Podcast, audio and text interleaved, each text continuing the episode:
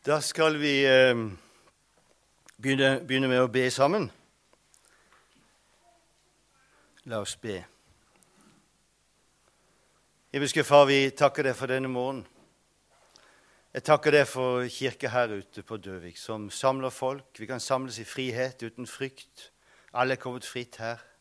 Ingen går fryktsom hjem, Herre.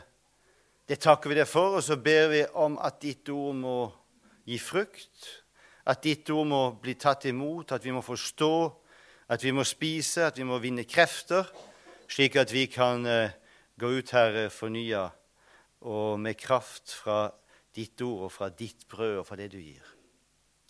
Så takker vi Herre for alle som samles denne morgenen sammen med oss gjennom hele Europa og nedover. Vi samles om ditt ord, Herre. Det er det samme. La det bære frukt der hvor det tales denne morgenen. Amen.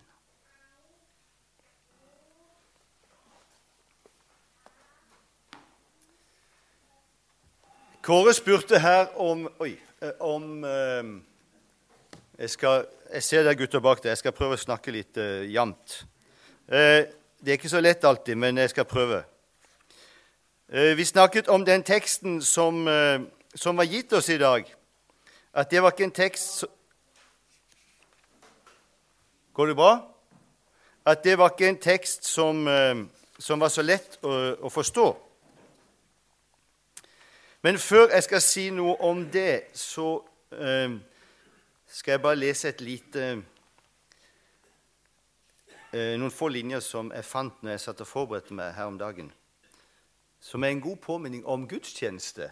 Nå har vi gudstjeneste. Og Det er en som heter Justin Martyren, som levde fra ca. år 100 eh, til år 165. Og en av, en av de store i den tidlige kirka som vi kaller for Oldkirka. Eh, Justin Martyren han sier dette i et av sine skrifter, hvordan, hvor han snakker om de første kristne gudstjeneste. Han sier dette Det leses fra apostelens nedtegnelser og profetenes skrifter så lenge man kan.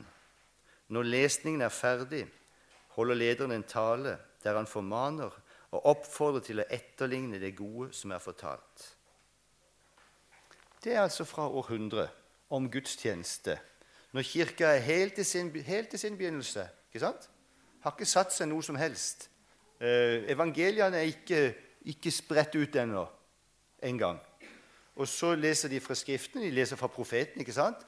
Og så legges det ut, og så kommer jo selvfølgelig evangelieskriftene til etter hvert. Men så viktig er eh, det å lese fra, eh, fra, Bibelen og ha det som utgangspunkt for det som, som vi gjør.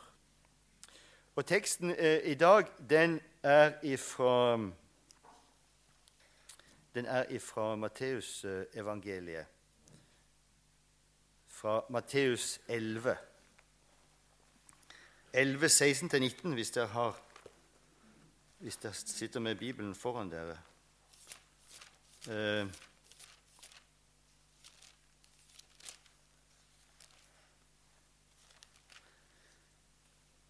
Matteus 11-19. Der står det som følger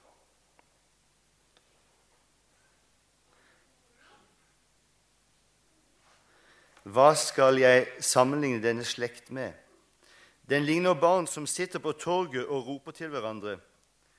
Vi spilte på fløyte for dere, men dere vil ikke danse. Vi sang klagesanger, men dere vil ikke sørge.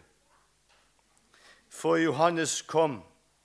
Han verken spiste eller drakk, og folk sier, 'Han har en ond ånd i seg'. Menneskesønnen kom. Han spiser og drikker, og de sier, Se for en storeter og vindrikker, venn med toller og syndere. Men visdommen har, rett, har rett, det bekrefter dens gjerninger. Slik lyder Herrens ord.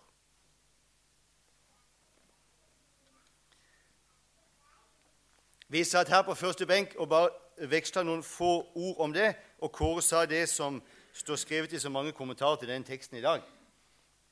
Det er som om ingenting var godt nok. Johannes kom, og han levde asketisk, og han levde langt der ute. og Han levde helt annerledes. Han levde så fromt som bare det. Det var ikke bra nok.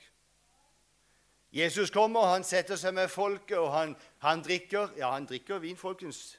Døvik, det er nok bare sånn det Han drakk nok mer enn noen av oss har gjort. Han drakk vin, og han spiste, og han tok imot den ene, den andre, den tredje. Og de sier, 'Se for en storeter'. Det er et spesielt ord som er brukt der. Jeg måtte se på det i, i går. En storeter som bare tar for seg. Storeter og vindrikker og glad i gode måltider og lange måltider. Det er sikkert flere av oss som er. Nei, det var ikke bra nok, det heller. Og så brukes dette bildet fra barna som leker på torvet. De leker begravelse, og de skal gråte, og ingen vil gråte. Ok, da prøver vi noe annet. Da leker vi bryllup. Det er mye bedre. Da har vi sang og dans, og ingen vil danse, og ingen vil gjøre noe som helst.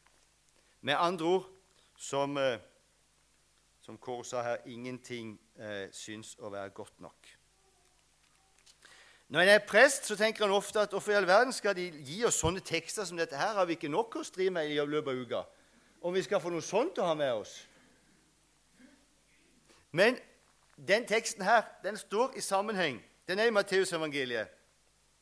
Og den står altså i, i, kapittel 11, og der begynner det med svar til døperen Johannes.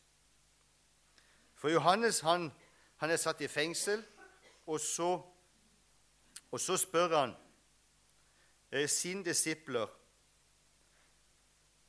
eh, skal gå og spørre Jesus er du den som skal komme, eller skal vi vente en annen. Jesus svarte, 'Gå og fortell Johannes hva dere hører, og hva dere ser.' Og svaret dere, det er barnesangen. Du, eh, var det Kirsten? Kirsten, du jobber kanskje med barn? Ja, ikke sant? Og du, du kan denne her. For svaret fra, fra, Jesus, det er altså barnesangen. Døve hører, og lamme går, og blinde ser igjen. Der kan den. Ja, så syng, da. Døve hører, og lamme går, og blinde ser igjen. Døve hører, og lamme går, og blinde ser igjen. Gud er mektig, Gud er mektig, jeg vet at han løser bånd og setter fanger fri. Ja, Dere er så norske, dere her. Dere er så forsiktige. Det er bra, det, Døvik. Døve hører Er ikke flott? En sang, en åndelig sang som har tatt Bibelen som utgangspunkt, og som er med på å si og, og, og formidle til oss, så vi kan huske det. Eh, når, vi, når, vi, er ute og går, eller når vi ser et barn eller et eller annet 'Døve hører og lammet går' Ja, hva var det for noe? Det var Guds rike som var kommet. Hva er det som skjer? Guds rike er kommet. Døve hører og lamme går, og blinde ser igjen. Yes! Døve hører og lamme går, og blinde ser igjen. Nå hadde jeg spleisa på et halleluja. Et stort et. Tenk på det! Det er Guds rike som er kommet. Det er virkningen av Guds rike.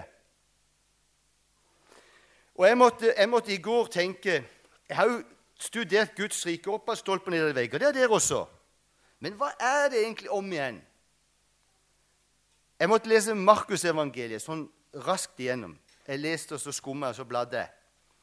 Det Markusevangeliet er en beskrivelse av barnesangen. Det er de blinde, det er de døve. Og hva er det som skjer? Det er jo at det som har vært ødeleggende, blir helt. Når ikke du kan se, så er det ødeleggende, og så kan du se. Når ikke du kan høre, så er det ødeleggende, og så kan du høre. Når Guds rike kommer, så ble det som var knust, det blir helt. Det er Guds rikets på en måte dynamikk. Det opprettes. Det er begynnelsen av og Nå ser jeg på klokka. Jeg skal bare holde på en time. Det er begynnelsen på dette evangeliet. Ellevte evangelium. Der er barnesangen, og der er Jesu ord eh, til Johannes. Gå og si til Johannes. Og når Johannes, som var en profet som sto mellom Det gamle og Nye testamentet, når han hørte disse ordene, så visste jo godt Johannes at disse svarene, det er jo det som profetene har snakket om fra tidenes morgen, når den nye tidsalder kommer, og den nye bryter inn. Når Guds rike kommer, så skjer det noe i denne verden. Og når Gud bryter inn, så eh, blir det som er ødelagt, helt. Og det gjør det jo. Det har dere sikkert mange eksempler på fra livet deres. At når Gud på en måte har kommet i en familie og gjort noe, så er det som var ødelagt, blitt helt. Det som var i stykker. Ikke sant? Det gjenoppretter. Så godt er Guds rike. Men for å gå tilbake til teksten Nå kunne jeg lurt dere godt som prest og talt om noe helt annet, og dere hadde ikke merka det før vi var ferdig. Men det skal vi ikke. Vi skal tilbake til teksten, for der har vi om eh, dette bildet på eh, som, som ble brukt om at de satt på torvet, og det ene var ikke godt, og det andre var ikke godt. Og det kan være en, en, en eh, utfordring, en stor utfordring eh, for oss også. Hva skal jeg ligne denne slekt med? Og for at ikke dette skal bli en sånn eksegese av, kun av, av Matteusevangeliet, så kan vi spørre så, for å lage en bro til vår egen tid. Det må vi kunne gjøre. Hva skal vi ligne dette samfunnet med? Hva skal vi ligne naboene våre med? Hva skal vi ligne eh, arbeidskameraten vår med? Hva skal vi ligne alle de andre med som er rundt oss? Hva skal til for at de ser at det vi er opptatt av, og som vi syns er viktig, det blir viktig for de også? For det er jo det det dreier seg om. Eh, da har sikkert dere i Delk prøvd like mye som vi har i Den norske kirke. Av aktiviteter og legge om på gudstjenesten og gjøre den kortere, og gjøre den lengre, gjøre den keltisk, gjøre den ikke-keltisk. Alt mulig. En lang smørbrødliste kan vi lage. Hjalp det? Ja, nå skal jeg se på sangerne her. Det var veldig fint å komme inn her i dag når det er sang. For da kunne jeg bare lukke øynene og så var jeg midt i dattversliturgien når dere sang Fader vår. Og det er flott. For meg det er flott, kanskje bare for meg, som er en sånn prest som er vant til det, å ha det i hodet. Men hva skal vi gjøre for at det skal bli forstått, og at folk skal brenne for dette her og skjønne det? Er det bedre klokka syv om kvelden?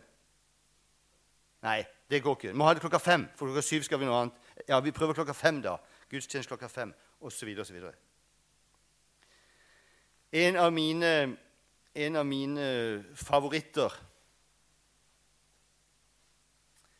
En av mine favoritter som, som, som, prest er borte. Og det var Karsten Isaksen. Karsten Isaksen han sa mye rart innimellom. Men han sa 'forlat meg' mye bra også. Jeg sier også mye rart innimellom. Vi må gå under det samme.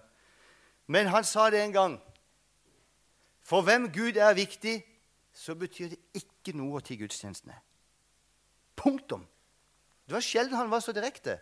Han var egentlig veldig flink til å kommunisere på en måte som, som vant fram. For hvem Gud ikke er viktig, passer det aldri. Da betyr det ikke noe om du har det klokka 11 eller du har det klokka 5 eller klokka 7, eller du synger keltisk eller ikke keltisk. Eller, ikke sant? Det har ikke noe å si det. Det er ikke noe veldig Kanskje er det en kort stund at det er veldig spennende, men så forsvinner det igjen. Jaha, det var da veldig oppmuntrende. Nå fikk vi den midt i fleisen at det hjelper ikke å, å tenke gudstjenestefornyelse. Jo, det gjør det. Men det er ikke det som på en måte eh, Det er ikke det som skaper veksten.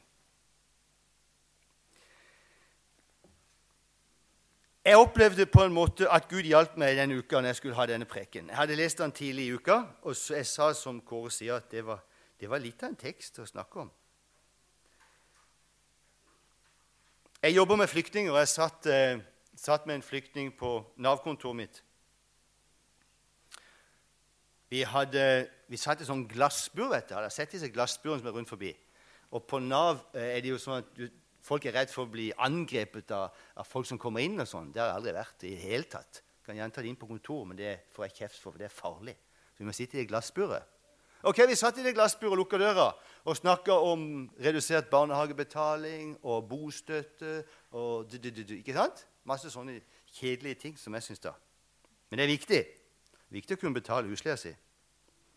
Og så sier plutselig denne eritreiske flyktningen eh, at han hadde vært på, på gudstjeneste sist søndag. Begynte han å snakke om det. Og Da må jeg legge til at vi hadde snakket noen ganger før, så han visste at jeg var prest. Så begynte vi å snakke om dette. Og så ble den samtalen fra å gå fra å være sånne litt tørre uh, ting som må gjøres, til å bli en samtale om tro. Som absolutt hadde relevans til den teksten som vi uh, leste nå. For vi kom til å snakke om hva er det som skaper tro. På flukt. På flukt fra Eritrea til Europa. Det er en kristen. Vet du hvor han ble en kristen? I Khartoum. I Khartoum, hovedstaden i Sudan, som er så gjennommuslimsk, som er liksom rede for terror, ikke sant? Og alt dette her som vi hører om. Der ble han en kristen. Hvordan ble du en kristen? Var du ikke en kristen der du kom fra? Nei. Jeg var ortodoks, men jeg var ikke kristen. Ja, hvordan skjedde det? Der var det kristne som snakket om Bibelen og ga oss bibelord og snakket om Jesus. Og de snakket om Bibelen, og de snakket om Jesus. Og de snakket om Bibelen, og de snakket om Jesus. Ja, hva skjedde da? Da begynte jeg å tro.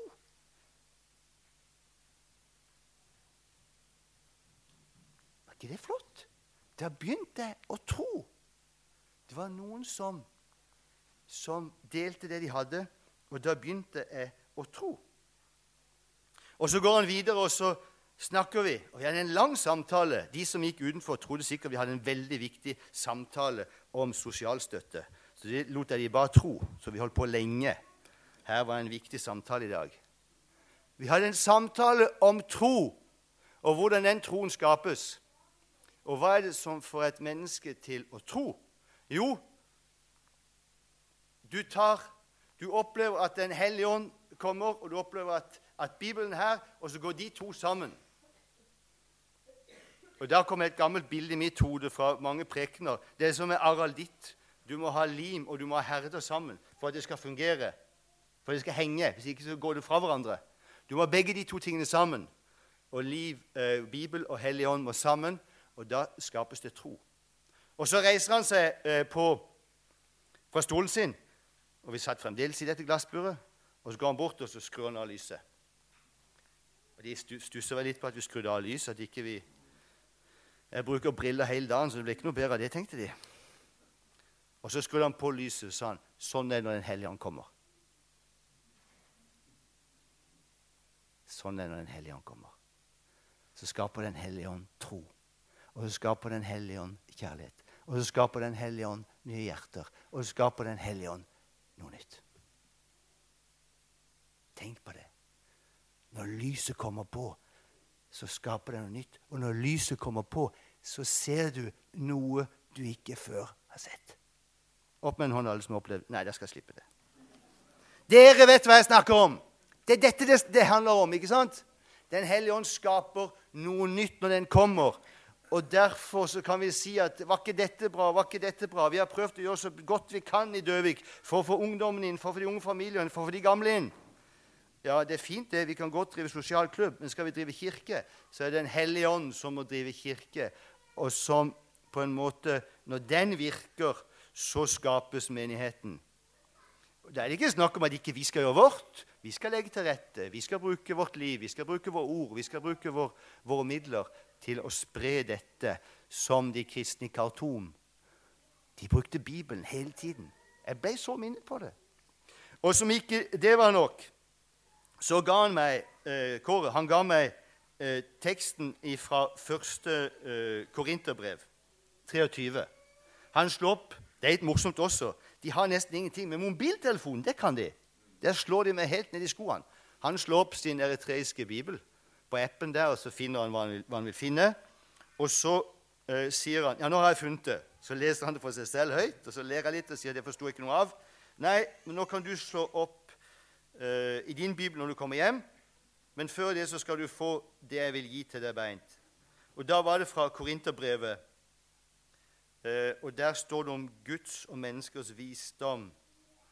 For jøder spør etter tegn, grekere søker visdom, men vi forkynner en korsfestet Kristus. For jøder er dette anstøtelig, for hedninger uforstand. Men for dem som er kalt, både jøder og grekere, er Kristus Guds kraft og Guds visdom. Vi forkynner Kristus for jøder anstøtelig, for hedninger uforstand. Ja, for arbeidskameraten deres. Hva handler dette om? Dere jobber på forskjellige steder. Jeg skal ikke begynne å, peke på dere og nevne hvor dere jobber, for det kan være ubehagelig. Men jeg har veldig lyst, for jeg ser at noen av dere er på store eh, bedrifter her, og noen er kommunalt, og noen er Dere er rundt forbi dere. Og ved lunsjpausen så skjønner de kanskje ikke så mye at du går i kirka og dette her. Hva dreier dette seg om? Det er så mye anstøt, det er så mye rart Kirka har gjort, det er så mye rart Kirka mener, osv. osv. Ja, sånn blir det fram til lyset kommer på.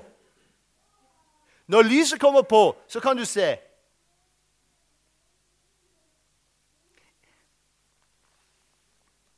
Vet dere hva det er? Hva det, hva det er? Det er veldig avslappende. Vi kan liksom Da slipper jeg meg litt ned. Det er ikke min kirke. Det er ikke Kåres kirke. Det er ikke han som skal sørge for at denne kirka fylles her, eller jeg der, eller hva det måtte være. Det er ikke vår kirke. For kirka det er Guds kirke. Det er Guds kirke. Eh, og når vekkelsen skjer i, eh, på flukt fra, eh, fra, Eritrea til Europa, så er ikke det noe nytt. Det var det samme som skjedde med Stefanus. De steiner Stefanus, og vekkelsen bryter ut, og de blir spredt overalt. Og aldri har kirka noen gang vokst så raskt. Er ikke det flott? Fordi at lyset kom på. Lyset kom på. De kunne ikke lese. De hørte, og lyset kom på, og ånden ble gitt. Og så vokser det. Det var det som eh, ble viktig eh, når jeg satt og forberedte denne, denne preken eh, i dag. Og vi kunne tatt mange tekster Vi kunne tatt mange andre tekster og ga meg teksten fra Johannesprologen. De som kommer til tro, det er de som er født av Gud. ikke sant, Det verset der. Det er jo det samme. Eh, og selv så Når jeg satte meg ned, så kom jeg til å tenke på kom jeg til å, I relasjon til det vi snakker om nå, den teksten her, så kommer jeg til å tenke på Nikodemus, som kommer til eh, Jesus om natten. Nikodemus som Jesus var veldig glad i. Han lytter til han, han har sett han mange ganger. Han har sett han en, han er en klok mann, han er en mann med visdom. Og til Nikodemus så kunne kanskje sagt at Nikodemus, Guds fred over deg, du har forstått mye av det jeg har sagt. Du er nær Guds rike. Han kunne, han kunne på en måte lage en bro for han. Nikodemus, eh, din godhet og din kunnskap har brakt deg langt, og det hadde han.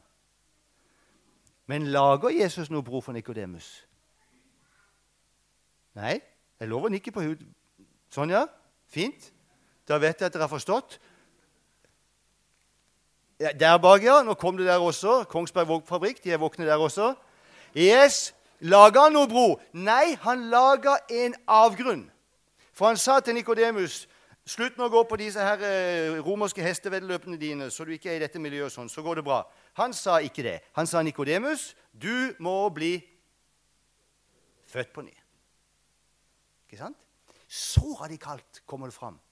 Den gode mannen den gode mannen får det budskapet. Det var ikke rart at Nikodemus Hvordan skal jeg komme inn i min mors liv? begynte at Nikodemus, du må bli født på ny. Og dere har hørt det mange ganger sagt at det står egentlig også du må bli født ovenifra, Nikodemus.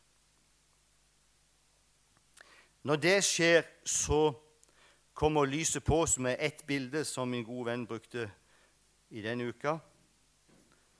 Eller som en også har sagt, det er som en radio som plutselig får kontakt. Du får antennen opp, og så får du kontakt, og så fra bare å ha skurring, hvor du ikke skjønner noen ting, så skjønner du hva som blir sagt. Så skjønner du dette som tales om Gud. Og hva er det som er skjedd? Jo, det er skjedd en fornyelse. Og den fornyelsen, den eh, kaller vi for en gjenfødelse eller en omvendelse.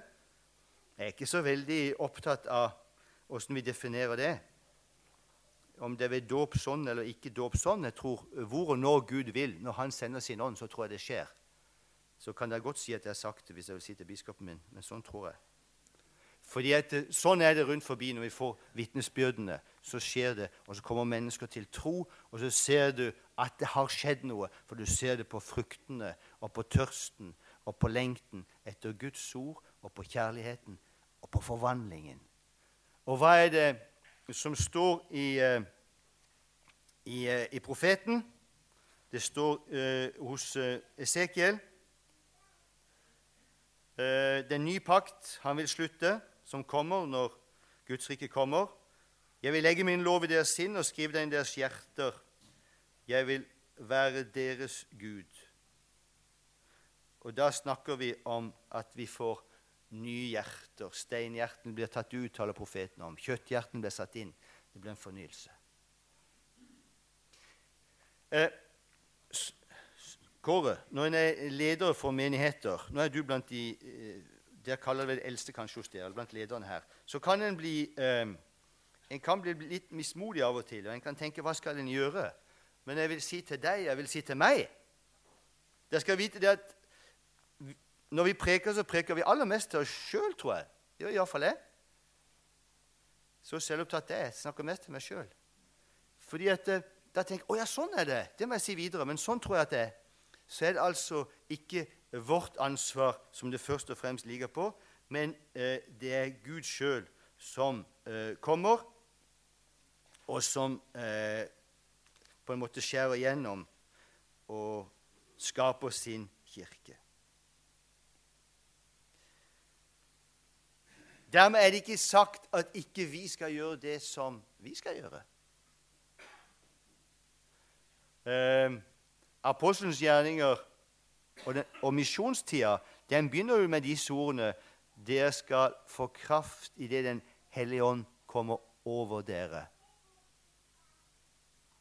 Ikke sant? Og hvorfor kom den, kommer Den hellige ånd over dere? Dere skal få kraft idet Den hellige ånd kommer over dere, og dere skal være mine vitner. Ikke sant? Så du får ikke ånden bare for å ha det kult. Ikke sant? Dette her var veldig kult og veldig OK. A, a good feeling. Yes, ma'am. Yeah? Det er ikke bare derfor. Men vi skal ha det som den kraften som det er, for å vitne. Det kan vi gjøre eh, ordløst. På en arbeidsplass gjennom mange år så vil de finne ut at den mannen der han er litt annerledes. Det er noe med han. Eh, det kan være en ordløs eh, vitnesbyrd eh, kjærlighetsgjerninger som gjøres gjennom år og dag, og de ser at det var annerledes. Hva var det for noe? Hvor kom det fra? Og så blir på en måte noe sådd, og så kan vi be for de som er rundt oss, og så ser vi plutselig at noen ganger kommer lyset på plutselig. Andre ganger kommer lyset forsiktig, som om morgenen. Det kommer inn, og så etter hvert så lyser det opp. Og så greip noen fast, og så kom troa. Så så de at dette var noe ikke de hadde hatt før. Det var eh, det som som jeg eh, har lyst til å si til dere i dag. Jeg har lyst til å oppmuntre dere med det i dag. Vi må oppmuntre hverandre med disse ordene. Eh, vi har sunget også flere ganger i dag om at Ånden må komme og lede oss og vise oss hvor vi er, og hva vi skal gjøre. Vise oss de som er sammen med oss. Men til slutt, dere, så er det ikke oss det henger på, men kirka, det er Guds kirke. Det er Guds kirke, og vi er Guds medarbeidere. De trengs i fullt mål. Gud har ikke andre føtter enn våre, andre øyne enn våre, andre stemmer enn våre, andre hender enn våre. Men han har våre, og så skal vi bruke dem. Og så i sin tid, når Gud vil, så skjer det noe, og så kommer mennesker til tro. Det er så fort å tenke på at, eh, at vi må på en måte leve kristelig og leve ordentlig. Eh, til morgenen i dag så kom, jeg, kom, dette ordet i hodet mitt fra romerbrevet. Kristus døde for oss mens vi ennå var syndere. Husker dere det? Mens vi ennå var syndere. Altså, Jeg hadde ikke oppført meg pent i det hele tatt. Vi var helt borte. Da døde Kristus for oss. Eh, det er nåde. Da ble det liksom skikkelig nåde. Da kan du komme med livet ditt. Og så ble det nåde. Så møter vi Guds nåde, og så sier, sier han at eh, Kom til meg, og så har vi fått et nytt hjerte som vil det Gud vil. Ikke sant? En fornyelse fører til det at plutselig vil du det Gud vil. Hva vil Gud med livet mitt? Hva vil Gud med familien min? Det har jo ikke vært der før. Så kommer åndens frukt på det, og så vil vi noe annet. Men alt ligger i Guds nåde. Eh, I første Det skal være det siste jeg, jeg gjør nå. Det er en halv time, Kåre. Eh, det siste jeg skal lese, er et kort vers som akkurat understreker det samme. og Det er også fra første Korinterbrev, eh, hvor Paulus snakker om, om den, eh, dette uforstandige eh, som Gud har utvalgt seg i verden, og, og snakker om, om eh, anstøtet for hedninger, uforstand osv. Så, videre. så sier han om seg selv Svak, redd og skjelvende opptrådte jeg hos dere, skriver han til Korint, som var en, en oppkomlingsby. Masse rart i Korint. Gamle soldater. Den hadde vært rasert eh, noen år før og var blitt en sånn oppkomlingsby med alt mulig. Det er jo en moral der som, som, ikke ligner noe som helst, som Paulus sier. Hva i all verden er det jeg holder på med? Han må jo ta de rette. Det var en herlig blanding av folk, tror jeg. Eh, så sier han Og da kommer han som apostelen med sin veltalenhet. Han snakka de språkene han trengte i den samtida. Han var ekstremt godt skolert, Paulus. Så sier han til eh, korinterne Svak, redd og skjelvende opptrådde jeg hos dere. Jeg la ikke fram mitt ord og budskap med overtalende argumenter. Var ikke, var ikke det sporet han var på. Men med ånd og kraft som bevis men med ånd som bevis. Det er egentlig det han sier. Akkurat det vi har snakket om.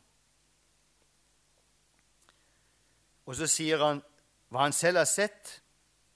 Det intet øye så, det intet øre hørte, det som ikke kom opp i noe menneskes tanke, alt det Gud har gjort ferdig for dem som elsker ham. Dette har Gud åpenbart for oss ved sin ånd. Ser du det? Ser du hvordan det går igjennom hele veien? Han går ikke vekk fra det.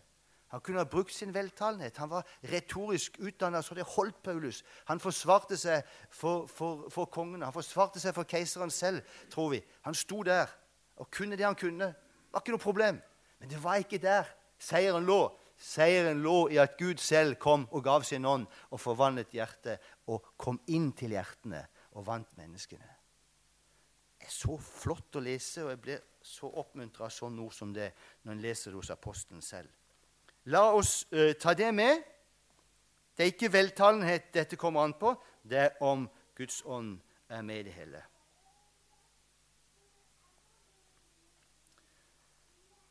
Kjære Far, vi takker deg for ditt ord. Og vi ber om at ditt ord må skape frukt i våre liv. At Åndens frukter må ses og merkes. Gleden og freden og overbærenheten og tålmodigheten. At alt det må være der. Og at med det, Herre, med det eh, som bagasje må vi møte menneskene og i bønn be om at din ånd også må nå inn til deres hjerter. Så takker vi for at vi får være dine disipler, Herre, at vi får være med og spre eh, vise oss hvordan vi skal spre i forhold til barnebarna våre, i forhold til barna våre, i forhold til naboene våre, i forhold til de som vi har rundt oss på alle måter, Herre. Du kjenner de, du har skapt de, du vet hvordan de har det. Gjør oss eh, kloke, slik at vi kan vinne inn og finne fram. Og så takker vi, Herre, for at det skjer ved din ånd. Det er du som fornyer. Det er du som skaper når ditt rike kommer. Og så takker vi Herre også denne morgenen, som vi allerede har gjort, for alle som samles i ditt rike denne morgenen, i studentmenigheter i Berlin, i menigheter i Khartoum. I Libya så leses det fra dine skrifter blant livredde mennesker som skal over havet denne morgenen. Herre, møt dem med din ånd, med din fred. La de merke at du er levende, Herre. Vi legger menigheten i dine hender, vi legger livene våre i dine hender, og vi ber Herre, fyll oss med din gode Hellige Ånd for virket vårt.